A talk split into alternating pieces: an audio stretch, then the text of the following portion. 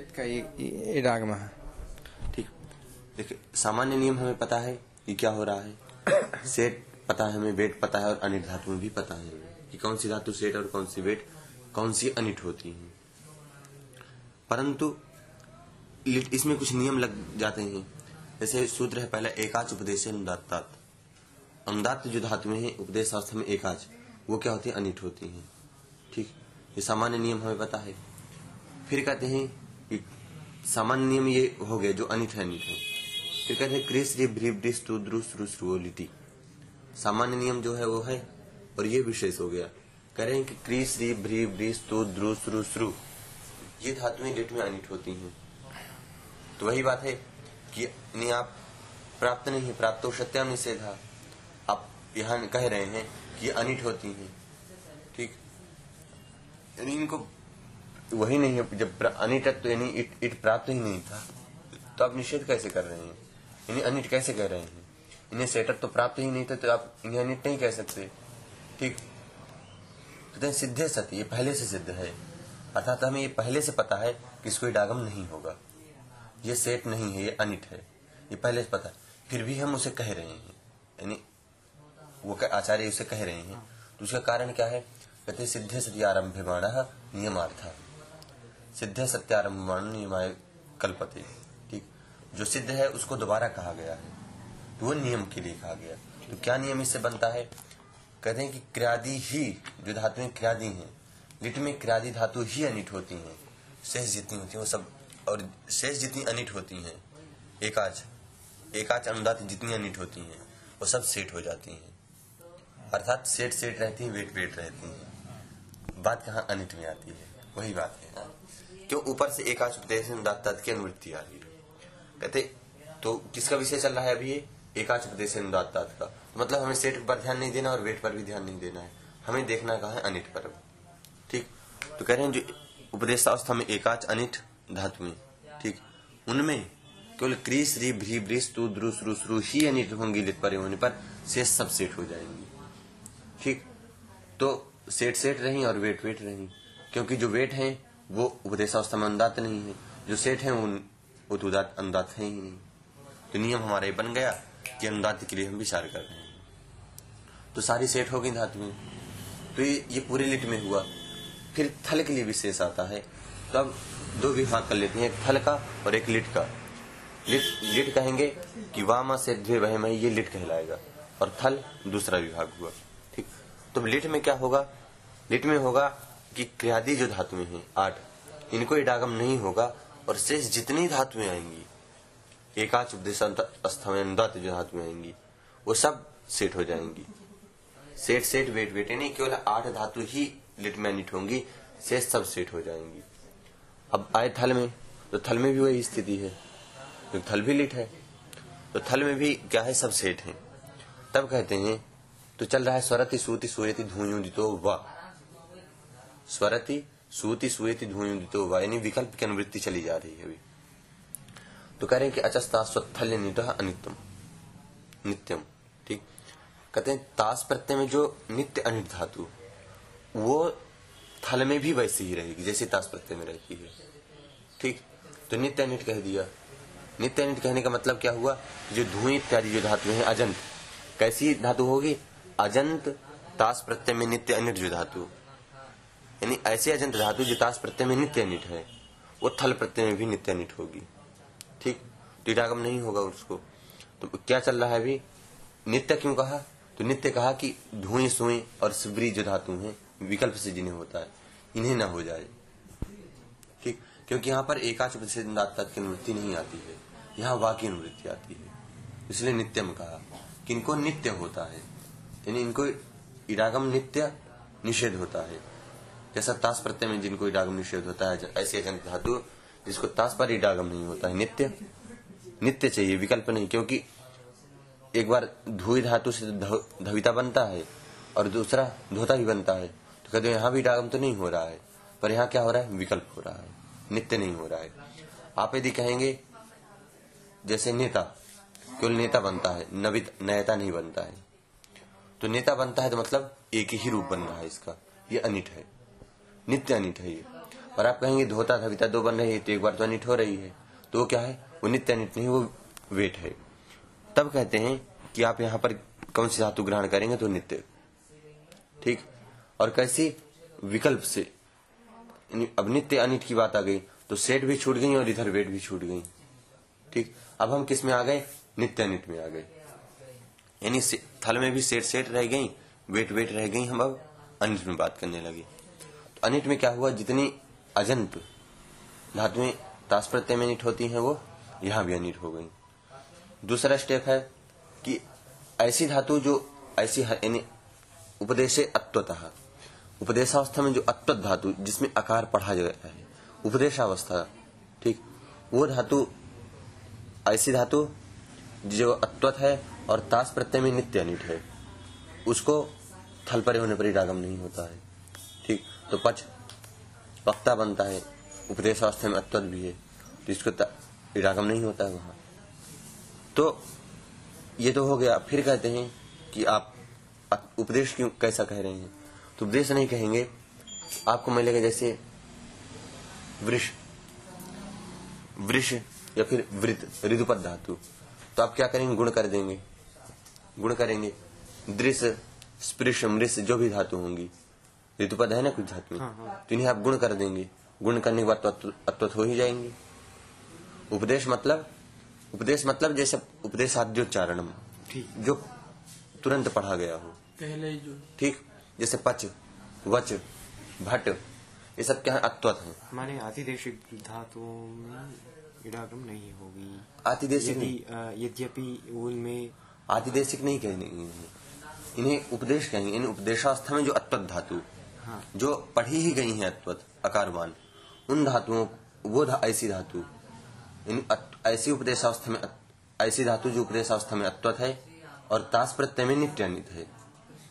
ताश प्रत्यय में नित्य अनिट है उसको भी रागम नहीं होता है। यदि यहाँ नित्य अनिट नहीं कहते तो क्या होता? अक्षु तक्षु त्वक्षु तंचु ये सब कैसी वेद धातुएँ हैं। रथ नस त्रिप द्रिप तो त्रिप द्रिप क्या है? अगर उपदेशावस्था में अत्वत नहीं कहते तो ताश प्रत्यय में तो ये भी रहती हैं ठीक दृश्य इत्यादि रहती हैं। तो इनको क्या हो जाता? इनको गुण होने के बाद दर्पता बनता है दर्पता ठीक तो दर अत्वत हो गई रुदपत तो नहीं रही अत्वत हो गई तो इसको भी हो जा ऐसा हो जाता ठीक। तो ये क्या हुई? ये नित्य हुई। ये धातु यानी इसको नहीं लेंगे हम पच लेंगे न तो यानी ऐसा विकार नहीं होना चाहिए उसमें। उपदेशावस्था में ही अत्वत मिलनी चाहिए हमको। तो उपदेशावस्था में अत्वत जैसे पच। है। उपदेशावस्थायाम इति किम तो दृश्य दृश्य ले लीजिए। क्यों ऐसा कहा? उपदेश क्यों कहा? क्योंकि अगर दृश्य को हम गुण कर देंगे तो वो भी अत्वत हो जाएगी। तो ये तो उपदेश में नहीं पर अत्वत है। अत्वत है और ताश प्रत्यय में नित्य निट है। तो इसको भी मत डागम कीजिए। तो कह रहे हैं उपदेशावस्था में अत्वत चाहिए। हमको ऐसा अत्वत नहीं चाहिए। ठीक। तो ये हुआ विभाग कि उपदेशावस्था में अत्वत होनी चाहिए धातु और ताश प्रत्यय में नित्य निट होनी चाहिए। उसको भी थल में डागम नहीं होता है। ठीक? तो हमें क्या पता चला कि ऐसी अजंत धातु जो ताश प्रत्यय में नित्य निट होती है उसको थल में डागम नहीं होता। ऐसी अत्वत धातु यानी अत्वत मतलब हलंत हो जाएगी अब। ठीक? तो ऐसी हलंत धातु जो अकारवान हो। ठीक?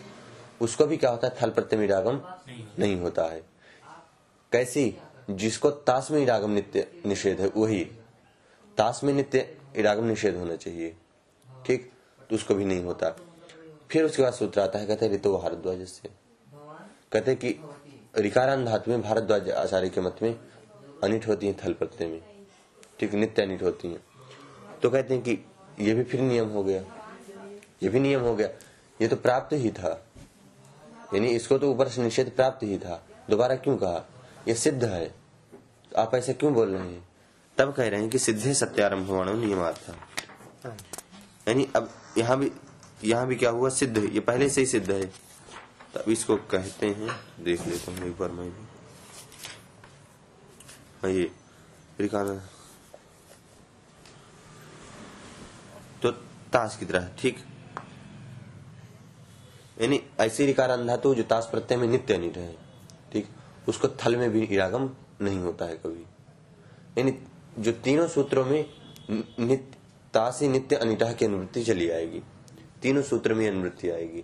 तासी नित्य अनिट। ठीक? तो वो कार्य होगा। तो क्या होगा? अब ये पहले से सिद्ध है। सिद्ध सत्यारमानीय मार था। अब ये दूसरा नियम हो गया। क्या हुआ? भारद्वाज नियम लग गया। अब वो क्रादि नियम हुआ था वहाँ। यह भारद्वाज नियम है। क्यों नियम है? क्योंकि हम अचस्ता स्वत्थले निटो नित्यम से ये अजंत के अंदर तो आ ही गई ना अच के अंदर। हाँ। जब ये अच के अंदर आ गई तो फिर अब हम इसे क्या करेंगे? आपने दोबारा इसे क्यों कहा? तब प्रश्न उठा कि ये नियम हो गया कि भारद्वाज आचार्य से मत रिकारांत एव अनिट नान्य। ठीक? नान्य शाम धातु नाम। तो कहते नहीं उनके मत में रिकारांत ही अनिट है। अन्य धातुएँ नहीं। तो क्या हुआ? तो विकल्प हो गया। दोनों के मत में उनके मत में अनिट है और इनके मत में सेठ है। तो क्या हुआ मिलके? विकल्प हो गया। तो क्या निष्कर्ष निकला कि जो रिकारांत धातु, ठीक, वो नित्य अनिट होती है। रिकारांत धातुएँ नित्य अनिट होती हैं। और जो अत्वत धातु और जो शेष अजंत धातु है, थल में क्या नियम निकला? कि क्रियादि धातुएँ अनिट होती हैं। क्रियादि धातु जो नित्य है यानी क्रियादि धातुएँ नित्य अनिट होती हैं। दूसरा नियम क्या निकला? कि जितनी अजंत धातुएँ हैं उनको विकल्प से आगम होता है। कैसे निकला? कि पांडे जी के मत में क्या है? अनिट है। ठीक। भारद्वाज जी के मत में ये सेठ है। यानी केवल रिकारांत अनिट है तो नियम हो गया। क्योंकि उनके मत में तो केवल रिकारांत ही अनिट है। अन्य सेठ है। ठीक। तो उनके मत में अनिट और उनके मत में सेठ से क्या हुआ? वो विकल्प निकल। गया। ठीक। तो क्या हुआ? क्रियादि धातु अनिट शेष रिकारांत सब अनिट। क्रियादि अनिट रिकारांत सब अनिट हो गई। और शेष जो अजंत बची वो सब वेट हो गई। ठीक। और जो अत्वत अत्वत भी इसी में आ गई। ऋतु भारद्वाज से के नियम में ही आ गई। ठीक। तो वो भी क्या हुई? अत्वत भी क्या हुई? वेट। वेट हो गई। और जो शेष हलन तो बची वो सेठ हो गई। शेष हलन जैसे दिश, रिस, विष, सिच, ये सब कैसे शेष है? तो क्या बना? अब क्या नियम बना कि जो धातु सेठ है, वो सेठ रहेंगी, जो वेट है, जो वेट रहेंगी। हम विचार कर रहे हैं अब नित्यानिट में। ठीक? तो अब लिट और थल। लिट मतलब वामा से वह में है तो लिट में केवल क्रियादि धातुएँ निट होती हैं, शेष सब सेठ होती हैं। सेठ सेठ, वेट वेट का तो रहेंगी अनिट में क्रियादि ही अनिट होती हैं शेष सब सेठ होती हैं। थल में रिकारान धातुएँ और क्रियादि धातुएँ अनिट होती हैं। शेष अजंत अजंत जितनी है वो सब वेट हो जाएँगी। अत्वत जितनी धातुएँ हैं वो सब है?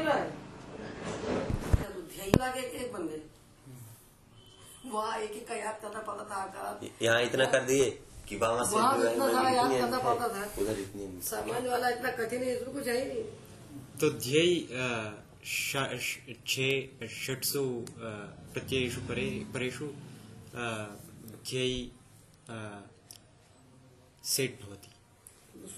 का नाम लीटी बोलो लीटी सेट बोलो। लिटि सेट लिटि सेट हा। थली?